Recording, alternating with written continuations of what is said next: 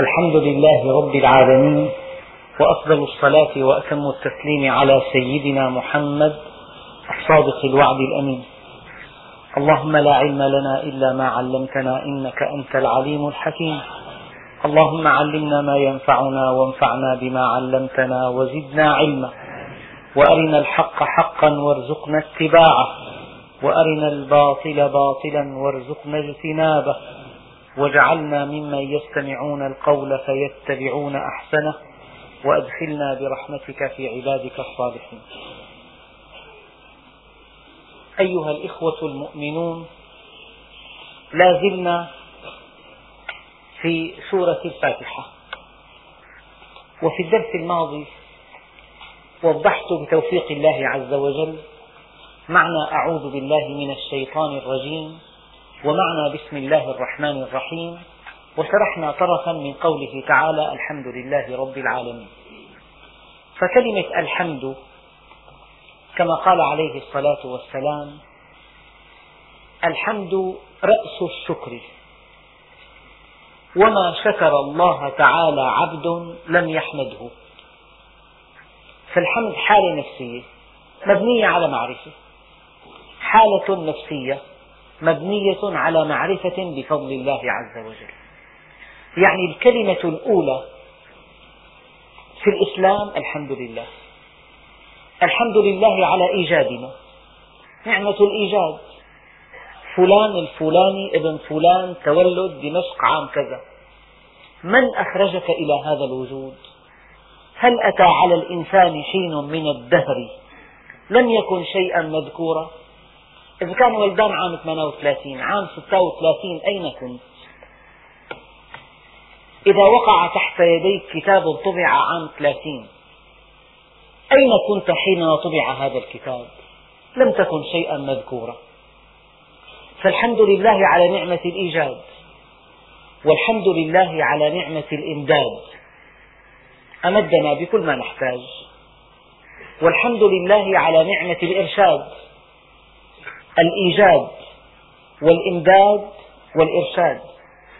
حبب إليكم الإيمان وزينه في قلوبكم وكره إليكم الكفر والفسوق والعصيان. فكلمة الحمد لله إحدى أكبر شعارات المؤمن. الحمد لله. على السراء وعلى الضراء على الصحة وعلى المرض على إقبال الدنيا وعلى إدبارها على الغنى وعلى الفقر على الزواج وقبل الزواج وبعد الزواج. الحمد لله تعني أنك تعرف أن لهذا الكون إلها عظيما. على كل شيء قدير. فإذا حرمك من شيء هذا حرمان معالجة لا حرمان عجز. الحمد لله تعني أن الذي خلقك يحبك. يحبك أكثر مما تحب نفسك. لذلك يعالجك. ولولا المعالجة لما اهتديت فموضوع الحمد لله يعني موضوع واسع جدا. لكن علماء البلاغة قالوا الحمد مسلم بها. لكن لمن؟ ربنا قال لله. كلمة الحمد تقتضي وجود نعم فالنعم ظاهرة. لا ينكرها جاحد. حتى الذي ينكر وجود الله لا ينكر النعم. إذا الطبيعة استثمار المياه في الطبيعة استثمار الخيرات تحسين النسل هذه موضوعات يعالجها الكفرة كمان. فالنعم لا ينكرها أحد. حتى الذين أنكروا وجود الله عز وجل لا يستطيعون إنكار النعم. الهواء الماء الطعام الشراب النبات الأسماك الأطيار. الأزهار هذه الشروط الدقيقة جدا التي خلقها الله عز وجل موافقة لطبيعتنا. هذه نعم لا ينكرها أحد ولكن المشكلة في الآية أن الحمد لله فقط. أما أهل الدنيا يحمدون بعضهم بعضا يشكرون بعضهم بعضا. الحمد لله فصار الحمد لا يمكن أن تحمد الله إلا إذا عرفته. وقبل أن تعرفه لا تحمده بل تحمد أندادا له. أحمد شركاء تظنهم شركاءه. فالحمد تقتضي المعرفة. لذلك سيدنا محمد اللهم صل عليه سمي محمدا لأنه أحمد الخلق قاطبة. ما من مخلوق خلقه الله سبحانه وتعالى حمده أكثر منه. كأن الحمد مقياس للقرب من الله عز وجل. سيد الحامدين كان سيد الخلق.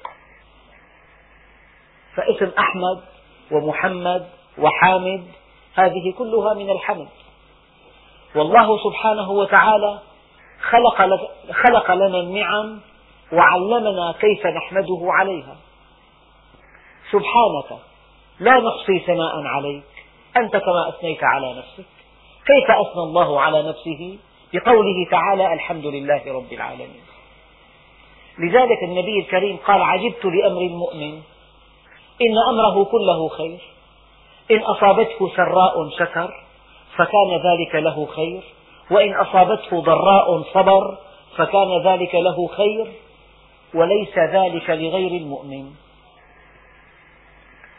الحمد لله على كل حال كما قال عليه الصلاة والسلام. إذا أصابه شيء يسره يقول الحمد لله على كل حال. الحمد لله الذي بنعمته تتم الصالحات. وإذا جاءت الأمور على غير ما يريد تعثرت كان يقول الحمد لله على كل حال.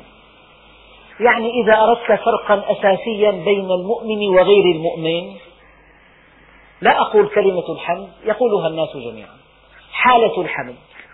المؤمن يعيش حالة دائمة من الحمد لله عز وجل. شاكر. جاء من أسرة فقيرة الحمد لله. رزقه الله زوجة ليست صالحة. إيه، كيف يفهم هذا الأمر؟ يفهم هذا الأمر أن الله سبحانه وتعالى رزقه هذه الزوجة ليصلحها. ويكسب بها أجرا عند الله كبير. جاءه أولاد ذكور الحمد لله. إناث الحمد لله. ذكورا وإناثا الحمد لله. جعله الله عقيما الحمد لله. له وظيفة متعبة الحمد لله. مريحة الحمد لله. دخلها قليل الحمد لله. كبير الحمد لله. ولكن هناك نقطة دقيقة جدا. إياكم أن تفهموا من هذا الكلام. أنه في أي وضع تحمد الله عليه ولا تحاول تحسين هذا الوضع. لا هذا يتنافى مع أخلاق المؤمن. هو يحاول تحسين وضعه المادي يحاول تحسين وضعه العلمي يحاول آه، رفع مستواه في كل الميادين. فإذا بذل كل طاقته ووصل إلى هذا المستوى وليس في إمكانه أن يتجاوزه الحمد لله. هنا الحمد لله. يعني واحد قدم امتحان وما نجح. الحمد لله. إذا كان باذل جهدك كله الحمد لله. إذا ما درست هذا جزاء التقصير. ما له علاقة بالحمد هذا هذا جزاء التقصير. لما الإنسان يبذل كل جهده ولا يحقق مطلوبه عندئذ الحمد لله على كل حال. فكأني أقول إن الفرق الدقيق بين المؤمن وغير المؤمن لا أقول كلمة الحمد حالة الحمد التي يحياها المؤمن. لما لا يحمد الله؟ لأن الله بيده كل شيء. لا إله إلا الله. وهو الغني. ما في أمطار. الحمد لله. معالجة. وهو القدير على كل شيء. ما في أنداد لله عز وجل. يعني يمنعونه من تصرف معين. هو الغني. هو القدير. أحيانا تكون في دائرة مثلا المعلومات تصل إلى من هو فوقك غير صحيحة يثنى على المقصر ويذم المجتهد. أما عند الله عليم ما هو الغني هو القدير هو العليم هو السميع هو القريب. أتكلمت أم سكت؟ يعلم السر وأخفى. لماذا الحمد لله؟ لأنه لا إله إلا الله أولا. لا إله إلا الله الغني. وإن من شيء إلا عندنا خزائنه. لا إله إلا الله القدير. هو الواحد القهار. والله يحكم لا معقب لحكمه. أيام القاضي يحكم وفي قاضي أعلى ينقض حكمه. لكن والله يحكم لا معقب لحكمه. الحمد لله لأنه لا إله إلا الله. والحمد لله لأنه غني. والحمد لله لأنه قوي. والحمد لله لأنه سميع. والحمد لله لأنه بصير. والحمد لله لأنه عليم. والحمد لله لأنه رحيم. فلم لا تحمد الله عز وجل؟ الحقيقة إذا عرفت أسماء الله لا تحزن أبدا. لا ترى إلا حكمة بالغة في تصرفات الله عز وجل. لا ترى إلا الحكمة البالغة. فالآية في مبدئها أن النعم التي أسبغها الله علينا ظاهرة وجلية وواضحة وناصعة وهي كالشمس. لا يستطيع أحد على, على ظهر الأرض أن ينكرها. ولكن المشكلة أن هذه النعم تعزى لغير الله. جاء قوله تعالى الحمد لله. إني والإنس والجن في نبأ عظيم أخلق ويعبد غيري أرزق ويذكر سواي خيري إلى العباد نازل وشرهم إلي صاعد. أتحبب إليهم بنعمي وأنا الغني عنهم ويتبغضون إلي بالمعاصي وهم أفقر شيء إلي المشكلة أن النعم لا ينكرها أحد ولكن المشكلة في أن هذه النعم تعزى لغير الله وما يؤمن أكثرهم بالله إلا وهم مشركون. قد يرى أن فلان الفلاني بيده نفعه وضره هذا إشراك. قد يرى أن هذه الزوجة ملجأ له وملاذ ولولا, ولولا أن الله سبحانه وتعالى يعني جعلها سكنا لك. ولولا أن الله سبحانه وتعالى ألقى في قلبها محبتك أو ألقى في قلبها رجاءك لما خدمتك فالمؤمن كلما تفتحت بصيرته يرى أن كل من يقدم له خدمة في الحياة إنما هي بفضل الله وبإذن الله والحمد لله وحده. فلذلك نعمة الصحة أنا أقول ليس العجب أن يمرض الإنسان. العجب أن لا يمرض لأن هناك آلاف الآلاف من الشروط التي يجب أن تتوافر جميعها كي تقول صباحا الحمد لله رب العالمين. الأجهزة تعمل جهاز الهضم بدءا من الفم إلى اللعاب إلى البلعوم إلى لسان المزمار إلى المري إلى المعدة إلى البنكرياس. الاثني عشر خلايا الامتصاص في الأمعاء الدقيقة الأمعاء الغليظة. جهاز التصفية البولية الكلاوي. آه، جهاز القلب الرئتين العضلات العظام آه، الجلد. هذا كله يعمل بانتظام. الجهاز الودي النظير الودي الجهاز العصبي الجهاز الهرموني الغدة النخامية الغدة الدرقية الغدة الكظر. البنكرياس كله يعمل بانتظام. الحمد لله. هذه معجزة. أن تستيقظ صباحا وتحس أنك بصحة تامة. الحمد لله. أكلت طعاما. من خلقه؟ من سخره؟ من جعله مناسبا لنا؟ طعما ولونا ورائحة وقواما ومضمونا وغذاء من نوع هذه الأغذية؟ البروتينات والفيتامينات والسكريات والمواد الدسمة. من وزعها على هذه على هذا الطعام الذي بين أيدينا؟ إذا أكلت لقمة خبز من خلق القمح؟ الأرض والقمر والشمس والبحار. اشتركت في صنع هذا الرغيف. إن شربت كأس ماء من من سخره لك؟ إذا كان لتر الماء بالدول النفط المحلى عم بكلف ثلاث ريالات يعني عشر ليرات سوري تقريبا. لتر الماء عشر ليرات تحلية. هذا الينبوع ينبوع الفيجة الذي سخره الله لنا والذي بلغني مؤخرا أنه يمتد إلى حدود الاتحاد السوفيتي. هذا أحدث خبر أن هذا النبع يصل إلى حدود الاتحاد السوفيتي حوضه الجيولوجي. من سخره لنا؟ ماء عذب فرات. الحمد لله على كأس الماء. الحمد لله على رغيف الخبز. الحمد لله على هذه التفاحة التي تأكلها. إياك أن تظن أنك دفعت ثمنها. لا دفعت ثمن خدمتها. أما أهل الأرض لو اجتمعوا لا يستطيعون صنع تفاحة واحدة. من جعل هذه الكميات؟ بكميات معقولة. لو كان التفاح قليل جدا كان حق كيلو 200 ليرة. من يأكله؟ مين عمل تناسب؟ لو أن الدجاجة تبيض بالسنة بيضة واحدة كان حقها شيء ألف ليرة البيضة. كل يوم بيضة حقها نصف ليرة معقولة صار. فالحمد لله الحليب البيض الجبن اللحوم هذه كلها من نعم الله. فهذه النعم لا يستطيع أحد أن ينكرها. لكن المشكلة في أن أهل الأرض معظمهم يعزونها إلى غير الله. فجاء قوله تعالى الحمد لله رب العالمين. الحمد لله. فكلما تعمقت في الإيمان الحركة السكن نظرت إلى ابنك الحمد لله. من جعله بهذه الصورة الحسنة؟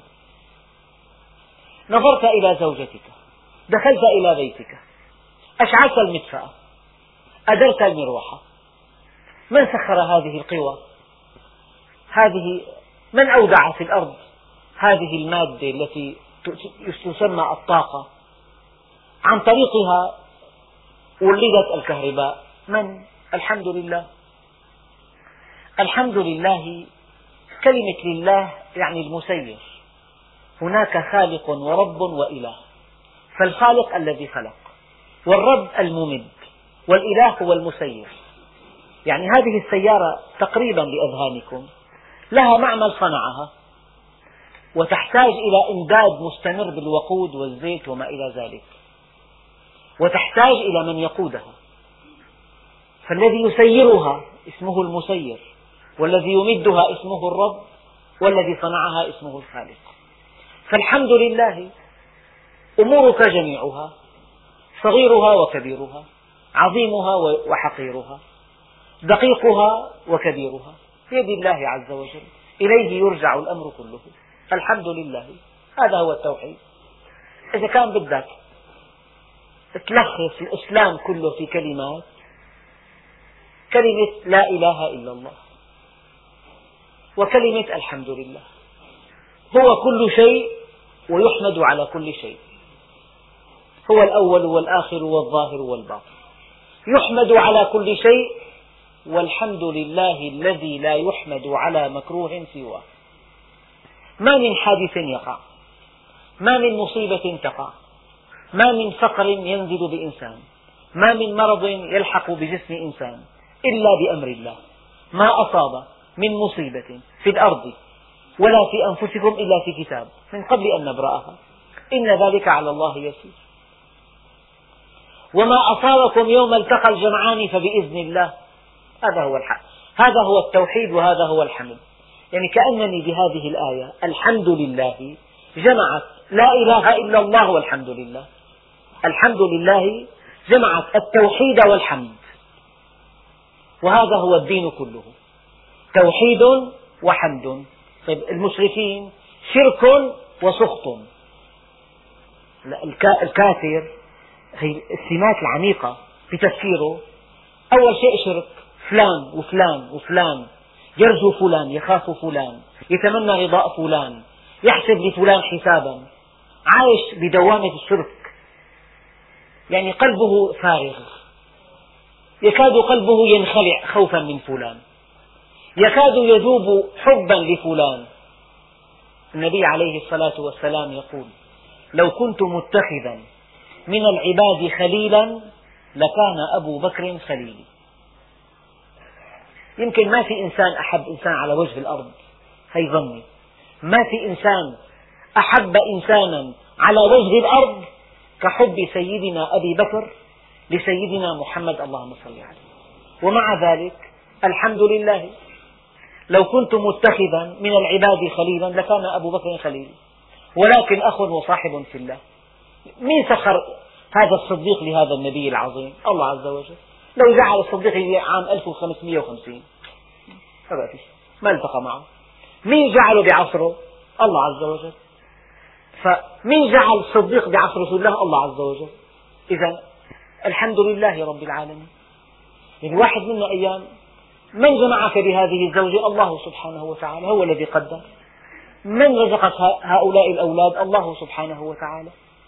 من أعطاك هذا الذكاء؟ فحصلت وأصبحت لك خبرات ترتزق منها. الله سبحانه وتعالى. طبيب محامي مهندس مدرس خبير ببعض الحاجات عنده مصلحة بيده من أعلى مستوى. تدر عليه أرباحا طائلة. الحمد لله. لو أن نقطة دم كرأس الدبوس تجمدت في أحد شرايين الدماغ لفقدت كل ذاكرتك وخبراتك. فلان معلم بهالمصلحة. شغلته نظيفة كثير فاصين بالدور. لحتى يصح لك عنده بدك شهرين. الفضل لله عز وجل. إن كنت طبيب ناجح أو مدرس ناجح أو مهندس ناجح أو تاجر ناجح أو صاحب معمل ناجح أو عندك مشروع زراعي ناجح أو كنت أب ناجح أو كنت موفق بزواجك الحمد لله رب العالمين. هذا هو الدين كله. توحيد وحمد. الكافر شرك وسخط. دائما الكافر ساخط على كل شيء. متشائم. دائما يشك في حكمة الله. أحيانا يقول لك أنه فلان ما بيستاهل. يستكثر نعمة الله على بعض عباده ويستقلها على آخرين. كأنه شاك بحكمة الله. مع أنك لو تعمقت في الأمور وكشف الغطاء وأطلعنا الله على كل شيء لقلنا الحمد لله رب العالمين. وآخر دعواهم أن الحمد لله رب العالمين.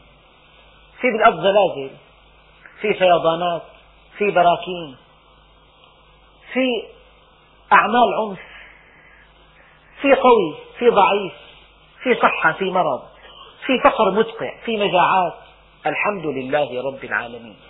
لو اطلعتم على الغيب لاخترتم الواقع. لكن المشكلة أن هذه الحياة الدنيا بالنسبة إلى الدار الآخرة لا شيء. لذلك ربنا سبحانه وتعالى قد يضحي بها من أجل الهداية يعني إذا واحد أغلق المحل مثلا والصانع نسي شمعة شعلة ثاني يوم الساعة 12 في الليل بلغوه أن المحل احترق. المحل فيه بضاعة بثلاث ملايين مثلا.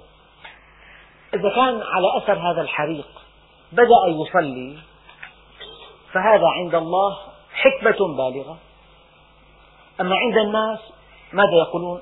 ليس هذا الصانع لم ينسى هذه الشمعة شاعلة هي عند الله حكمة بالغة لأن هذا المحل بكل هذه البضاعة التي احترقت إذا أثمر احتراق المحل توبة لصاحبه فهذا خير كبير لا يعلمه إلا عند الموت. يوم يكشف عن ساق يعني يكشف عن كل شيء ساقه الله إليك. ويدعون إلى السجود فلا يستطيعون. خجلا وصغارا وشعورا بالخزي والعار. وكانوا يدعون إلى السجود من قبل وهم سالمون.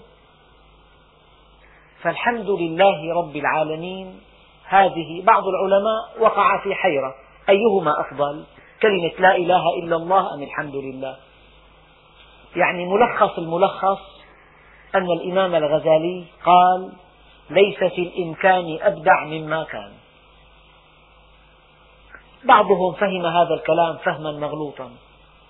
ليس في إمكان المخلوق أبدع مما أعطاه الله عز وجل.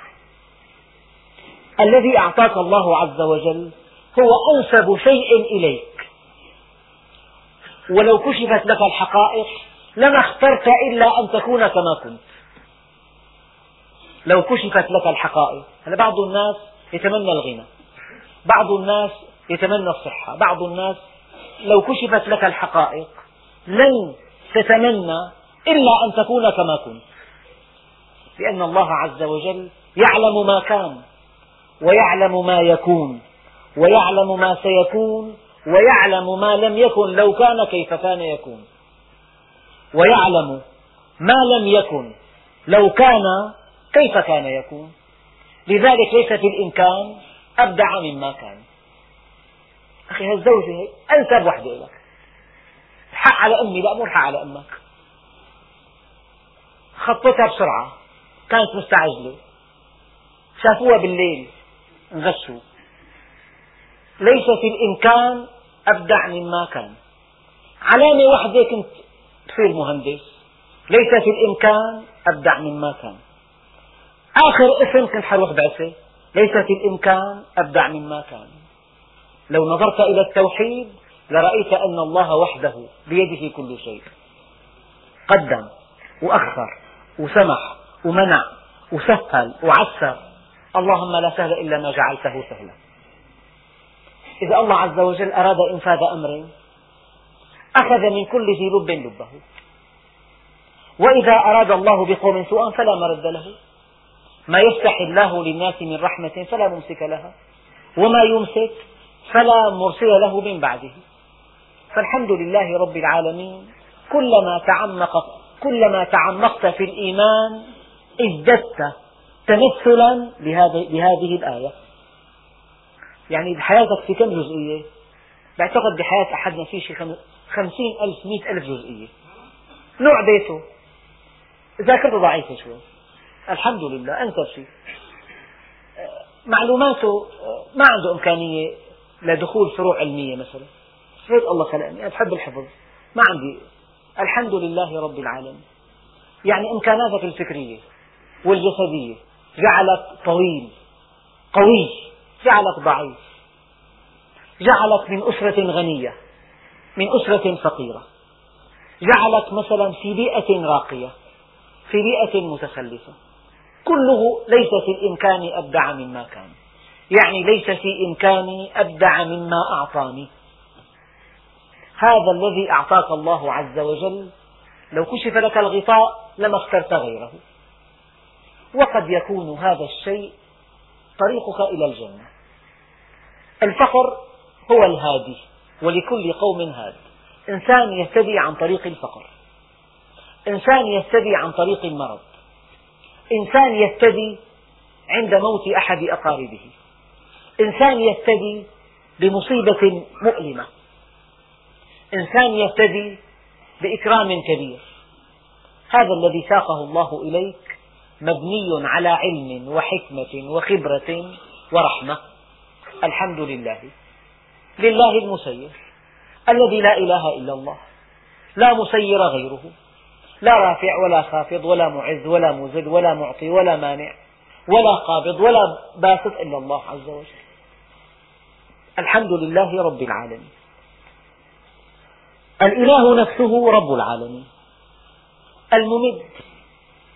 هذا عطاؤنا. يعني المياه من عطاء الله عز وجل. نهر الأمازون 300 ألف متر مكعب بالثانية. نبع الفيجي أحيانا بأيام الخير. يفيض بلبي حاجة دمشق بكاملها ويفيض نصف آه، كثافته إلى نهر بردة رب ممد أمدنا بالماء.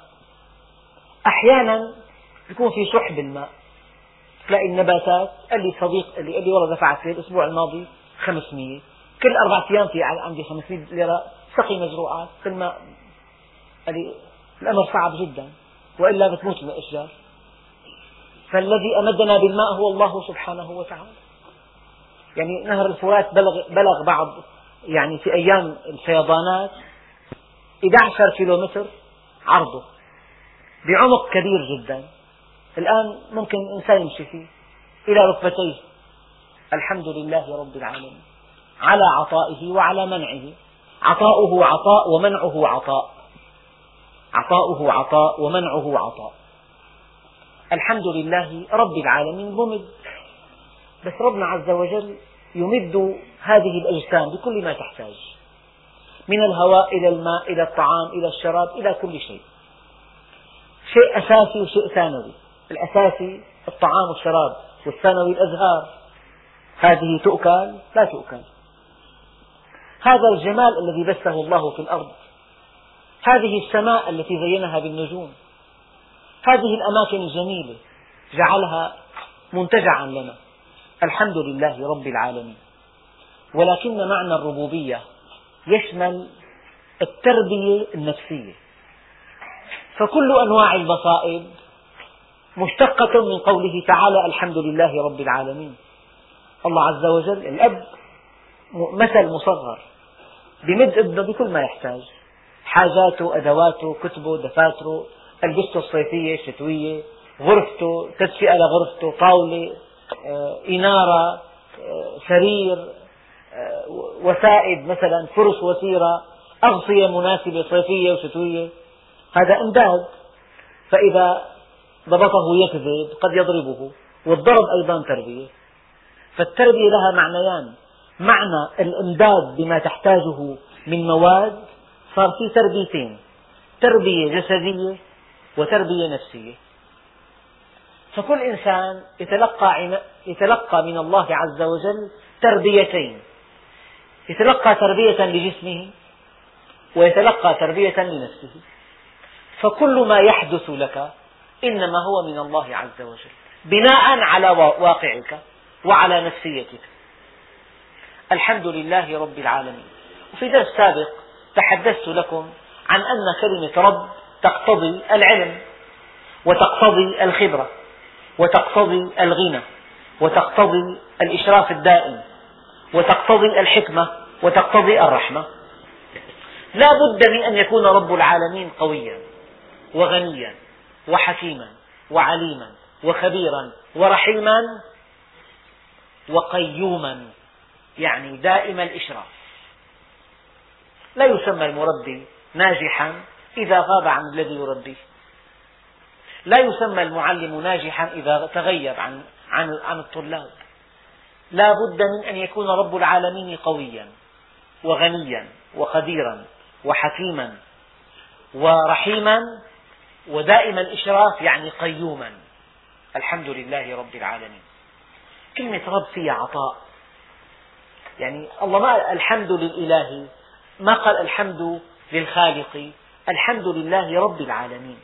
يعني أنت لك رب. مرة سمعت بالطريق رجل يقول وهو غضوب إذا ما له أب ما له رب؟ تأثرت بهذه الكلمة. قد ينشأ أحدنا يتيما. ولا أب له. لكن الله في الوجود. وإذا العناية لاحظتك جفونها نم فالمخاوف كلهن أمان. وإذا أعطاك من يمنعه ثم من يعطي إذا ما منعك؟ كن مع الله ترى الله معك. واترك الكل وحاذر طمعك. الحمد لله رب العالمين الرحمن الرحيم. الرحمن في ذاته الرحيم في أفعاله. ذاته رحيمة. هناك تطابق كامل بين أفعاله وبين ذاته. أحيانا الإنسان يكون هناك مسافة بين أفعاله وبين نفسيته. قد يفعل عملا فيه رحمة ولكن قلبه قاس كالحجر. الظروف اضطرته لذلك. ذكاؤه أرشده لذلك. ولكن الله سبحانه وتعالى رحمن رحيم. رحيم في ذاته رحمن في ذاته رحيم في أفعاله.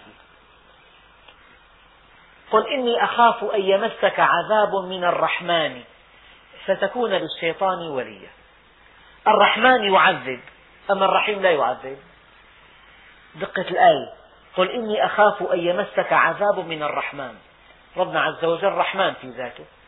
تقتضي رحمته أن يسوق لعبده بعض الشدائد. هذه الشدائد تسمى شدائد. أما الرحمة الرحمة رخاء. لذلك ربنا عز وجل قال فإن كذبوك فقل ربكم ذو رحمة واسعة ولا يرد بأسه عن القوم المجرمين. شوف الإعجاز. فإن كذبوك فقل ربكم ذو رحمة واسعة ولا يرد بأسه عن القوم المجرمين. يعني تقتضي رحمته تقتضي رحمته ألا يرد بأسه عن المجرم. يا أبت إني أخاف أن يمسك عذاب من الرحمن فتكون للشيطان وليا. الرحيم صفة أفعاله أما الرحمن صفة ذاته. الحمد لله رب العالمين الرحمن الرحيم. شو بقى فيه هو الإله. وهو الرب وهو الرحمن الرحيم. والرحمن الرحيم اسم جامع لأسماء الله الحسنى. يعني الله قوته ضمن رحمته ولطفه من رحمته وبطشه من رحمته و وأفعاله نابعة من رحمته. لذلك هناك أسماء جامعة وأسماء غير جامعة. الرحيم من الأسماء الجامعة. الحمد لله رب العالمين الرحمن الرحيم. لكن مالك يوم الدين لو عقلنا معناها لارتعدت فرائصنا. أنتم الآن مخيرون. ما دام في القلب حياة ما دام القلب ينبض فأنت مخير. كل شيء ممكن الآن. الإصلاح ممكن التوبة ممكنة. وإني لغفار لمن تاب وآمن وعمل صالحا ثم اهتدى. لكن مالك يوم الدين؟ إذا جاء يوم الدين فلا اختيار لك هذه الأمانة التي أودعها الله فيك هذا التكليف هذا الاختيار الذي منحك الله إياه هذا الكون الذي وهبه الله لك هذا العقل والفكر الذي ميزك الله به كله انتهى. مالك يوم الدين. هو في الدنيا مالك لكن مالك وأنت مختار. لكنه في الآخرة ملك كل شيء وملك اختيارك. إذا لا تستطيع أن تفعل شيئا. يوم الدين يوم الجزاء. الدنيا دار عمل والآخرة دار جزاء. اعمل ما شئت. قال عليه الصلاة والسلام عش ما شئت فإنك ميت وأحبب ما شئت فإنك مفارق واعمل ما شئت فإنك مجزي به. افعل ما شئت أعطي أو لا تعطي اعدل أو اظلم أحسن أو لا تحسن اعملوا ما شئتم. يوم الدين يوم الجزاء. عاملت زوجتك بالإحسان. إلك. أسأت لها عليك. أنفقت مالك إلك. لم تنفق عليك. لها ما كسبت وعليها ما اكتسبت. فأما الذين آمنوا وعملوا الصالحات فلأنفسهم يمهدون. مالك يوم الدين. إذا جاء ملك الموت انتهى كل شيء. الاختيار انتهى. الأمان انتهت. الشهوات نزعت الكون طوي. الفكر تعطل. كل شيء انتهى. يوم الدين يوم الجزاء والله مالكه. أما الآن تملك أنت الاختيار الآن. أنت الآن مخير. مخير أن تتوب أو لا تتوب. أن تسيء أو تحسن. لكن يوم الدين ينتهي فيه الاختيار. كأنك هذه الآية تحضك على العمل الصالح. إياك أن تصل إلى هذا اليوم وليس لك عمل صالح تلقى, تلقى الله به. لذلك وسارعوا إلى مغفرة من ربكم. وجنة عرضها السماوات والأرض. يا أيها الذين آمنوا اتقوا الله حق تقاته. ولا تموتن إلا وأنتم مسلمون. مالك يوم الدين؟ يوم الدين يوم الجزاء. نحن الآن في يوم عمل. العام الدراسي مثلا. طالب يجي يحب يدرس أو ما يدرس يجتهد أو ما يجتهد يراجع أو ما يراجع يذاكر أو ما يذاكر يكتب وظائف أو ما يكتبها أو يكتبها نقل من رفقاته مخير. لكن إذا قرع جرس الامتحان في آخر العام وطرحت الأسئلة هذا اليوم يوم الجزاء. لذلك في الامتحان يكرم المرء أو يهان. أما في أثناء العام الدراسي ما في إهانة للكسول معه مهلة أعطي فرصة. ونحن الآن كذلك. لا نحن في فرصة. أنت, أنت حر. تحب أن تأتي إلى هذا المجلس أو لا تأتي؟ هناك من يسهر وراء جهاز له. لك والله أمتع. هون ما في شيء ناشفة ناشفة بجوز. هذا اليوم دار عمل لكن الآخرة دار جزاء. قالوا الدنيا دار تكليف والآخرة دار تشريف. في الآخرة انتهى الاختيار انتهى التكليف انتهى كلمة حرام وحلال. ما بقى في ما بقى في حرام. أنت في جنة عرضها السماوات لا بقى في غض بصر بالآخرة ولا بقى في فئة على الصبح بكير ولا في بذل مال لا في مشي بشموس ولا في حر. في في جنة يعني عرضها السماوات والأرض ربنا عز وجل قال وامتازوا اليوم أيها المجرمون. ابتعدوا يعني. آه الآية الكريمة آه قبل هذه الآية سلام قولا من رب رحيم وقبلها إن أصحاب الجنة اليوم في شغل فاكهون. هنيئا لهم هم وأزواجهم في ظلال على الأرائك متكئون. هذا الوقت لمثل ذلك فليعمل العاملون وفي ذلك فليتنافس المتنافسون. إن المتقين في جنات وعيون آخذين ما آتاهم ربهم إنهم كانوا قبل ذلك محسنين. فأما من أوتي كتابه بيمينه فيقول هاؤم اقرءوا كتابي إني ظننت أني ملاق حسابي فهو في عيشة راضية في جنة عالية قطوفها دانية كلوا واشربوا هنيئا بما أسلفتم. في الأيام الخالية. فنحن الآن في دار عمل ويوم الدين دار جزاء وحساب. أما الإنسان إذا وصل إلى يوم الدين انتهى كل انتهى اختياره انتهت الفرص كلها. الآن الفرص كلها مفتحة. أبواب الرحمة مفتحة. أبواب التوبة مفتحة.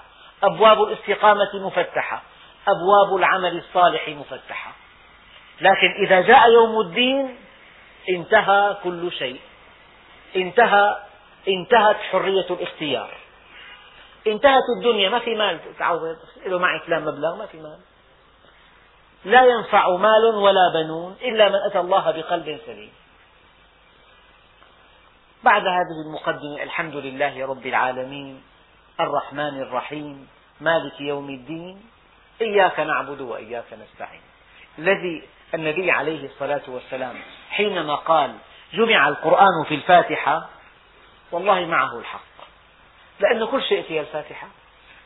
الألوهية والحمد والربوبية واسم الله الأعظم الرحمن الرحيم. والمصير الذي لا مفر منه مالك يوم الدين. الآن موقفك المنطقي إياك نعبد وإياك نستعين. لو أن الله عز وجل قال نعبد إياك اختلف الأمر. إذا سبق المفعول به الفعل فهذا أسلوب الحصر. يعني نعبدك ولا نعبد أحدا معك. لو قال نعبد إياك شيء وإياك نعبد شيء آخر. إياك نعبد. لذلك المؤمن أعلى مرتبة يبلغها إنسان في الأرض أن يعبد الله حق العبادة. وأعلى مقام بلغه النبي أنه كان عبدا لله. عبدا حقيقيا. يعني اختياره تطابق مع أمر الله تماما.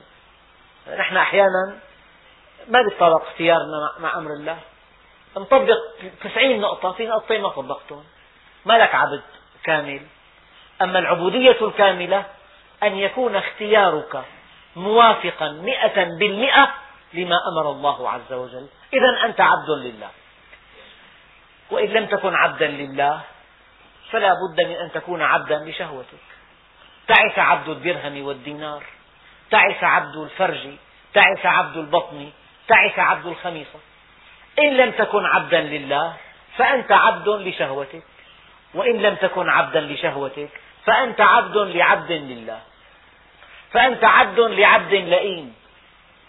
كن لله عبدا فعبد الله حر. فإياك نعبد العبادة طاعة تامة مبنية على معرفة ومنتهية بسعادة. التعريف الدقيق. طاعة. تسبقها معرفة وتعقبها سعادة. وإلا لما كانت لها هذه الأهمية.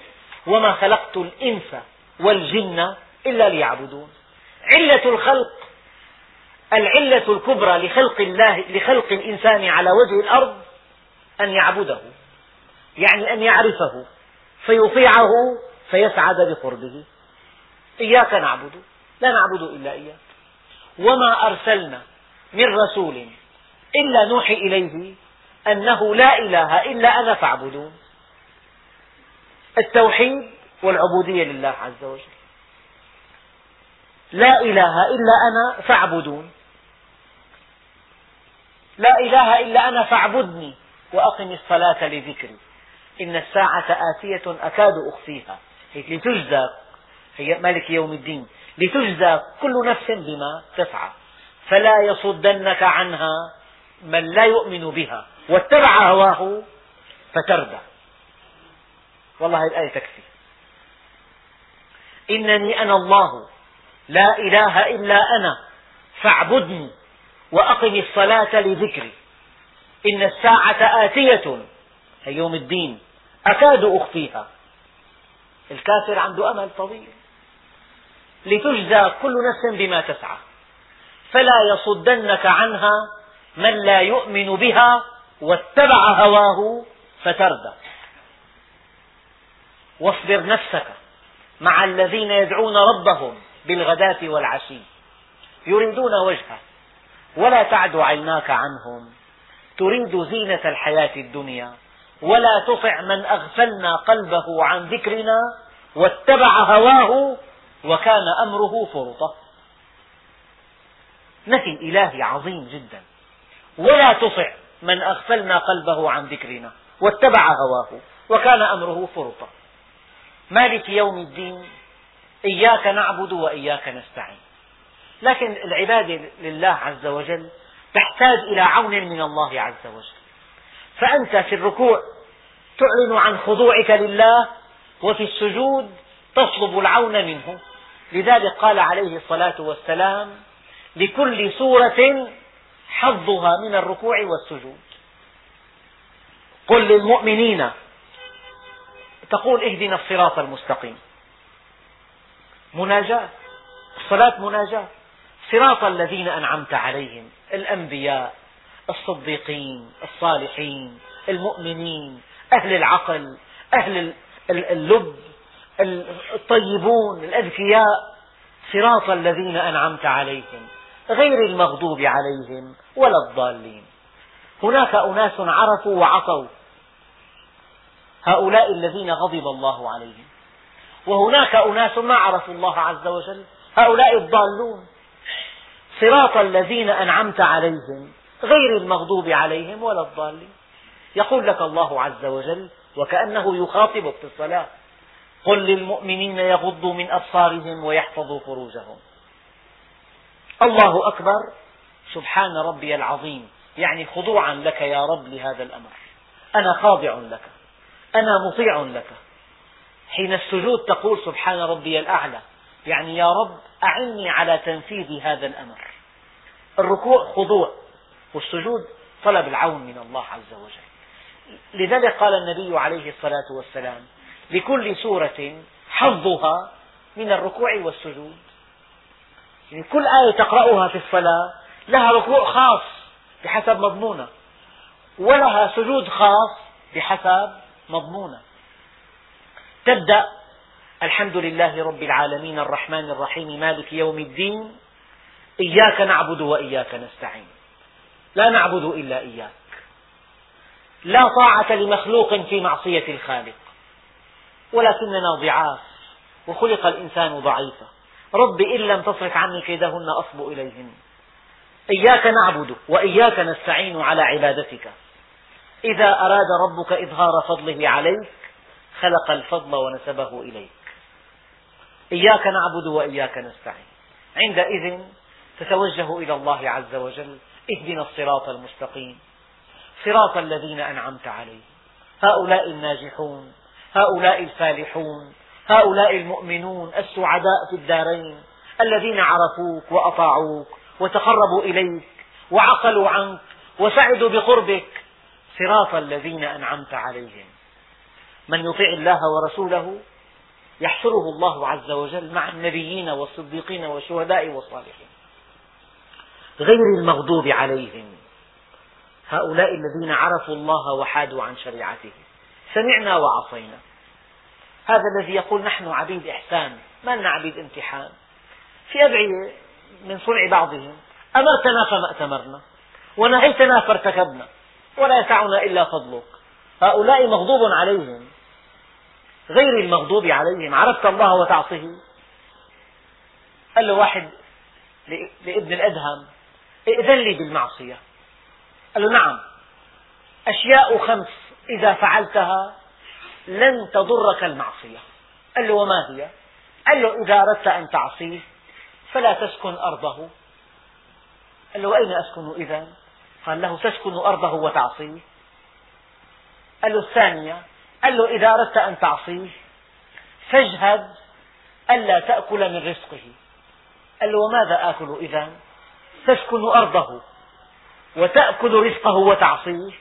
قال له هات الثالثة. قال له إذا أردت أن تعصيه فاجهد ألا يراك. قال له كيف لا يراني؟ تسكن أرضه وتأكل رزقه وتعصيه ويراك.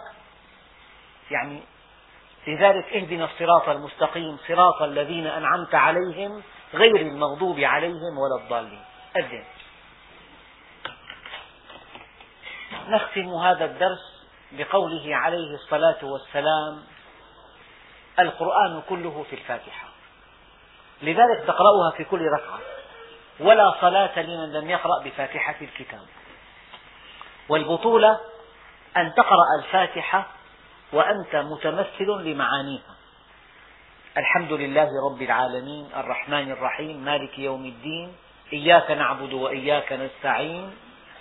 من عند إياك نعبد وإياك نستعين بدأ موقفك العمل.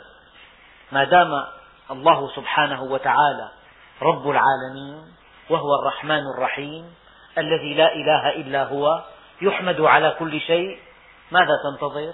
إياك نعبد وإياك نستعين. ألا أنبئكم بمعنى لا حول ولا قوة إلا بالله؟ هكذا قال عليه الصلاة والسلام.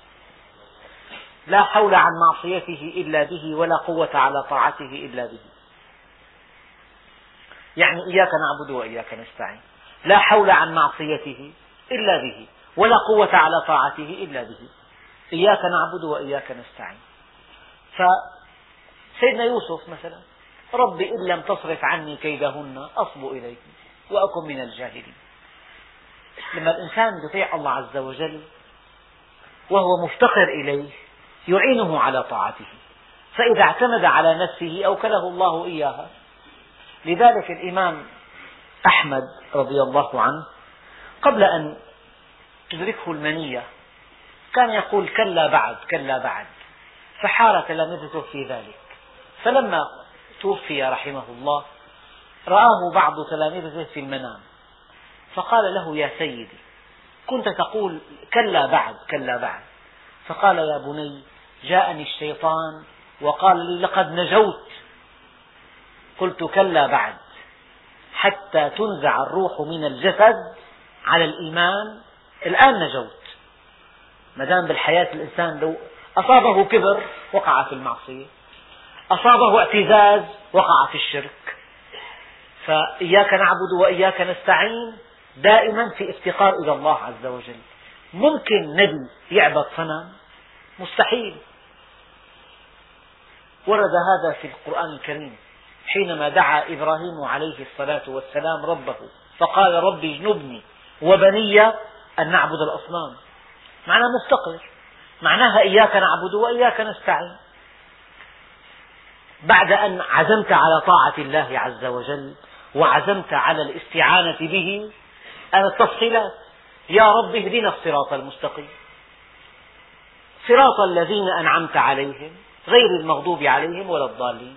الآن تقرأ القرآن وهو الصراط المستقيم. القرآن الصراط المستقيم. افعل ولا تفعل. قل للمؤمنين يغضوا من أبصارهم وقولوا للناس حسنا إن الله يأمر بالعدل والإحسان. كل آيات القرآن الكريم هي صراط مستقيم. تقول أنت اهدنا الصراط المستقيم. صراط الذين أنعمت عليهم غير المغضوب عليهم ولا الضالين. طبعا المغضوب عليهم عرفوا وحرفوا. والضالين ما عرفوا أصلا. الضالون كثيرون أما المغضوب عليهم أكثر. لا. أكثر المسلمين. يعني يعرف أن له ربا وفي الآخرة جنة ونار ومع ذلك يأكل حراما ويطعم حراما ولا يبالي بأمر الله يعصي الله ويقول نحن ضعاف نحن عبيد إحسان ما عبيد امتحان وهكذا. هؤلاء مغضوب عليهم والضالون الذين ما عرفوا الله أصلا. وأما الذين أنعم الله عليهم من النبيين والصديقين والشهداء والصالحين هؤلاء الذين أنعم الله عليهم. اهدنا الصراط المستقيم صراط الذين أنعمت عليهم. في حمد وثناء. الحمد لله رب العالمين الرحمن الرحيم مالك يوم الدين. عفوا في حمد. الحمد لله رب العالمين الرحمن الرحيم. وفي مصير مخيف. مالك يوم الدين يوم الجزاء. وفي موقف عملي إياك نعبد وإياك نستعين وفي تفصيلات اهدنا الصراط المستقيم. يعني حمدت الله المسير الرب الرحمن الرحيم. وعلمت أن يوم الدين هو يوم الجزاء ولا اختيار لك. ثم رجوت الله أعلنت عن عبوديتك لله وعن استعانتك به ثم طلبت منه الصراط المستقيم المنهج الصحيح صراط الذين أنعمت عليهم غير المغضوب عليهم ولا الضالين. كلمة آمين يعني استجب يا رب. ثم تأتي الصلاة تأتي القراءة. والحمد لله رب العالمين. اللهم اجز عنا سيدنا محمدا صلى الله عليه وسلم ما هو أهله؟ واجز عنا صحابته الكرام ما هم أهله واجز عنا مشايخنا ومن علمنا ومن له حق علينا. اللهم اجعل جمعنا هذا جمعا مباركا مرحوما. واجعل تفرقنا من بعده تفرقا معصوما. ولا تجعل فينا ولا منا ولا معنا شقيا ولا محروما. اللهم كما هديتنا للإسلام فثبتنا عليه. اللهم ألزمنا سبيل الاستقامة لا نحيد عنها أبدا. واهدنا لصالح الأعمال لا يهدي لصالحها إلا أنت. وصلى الله على سيدنا محمد وعلى آله وصحبه وسلم.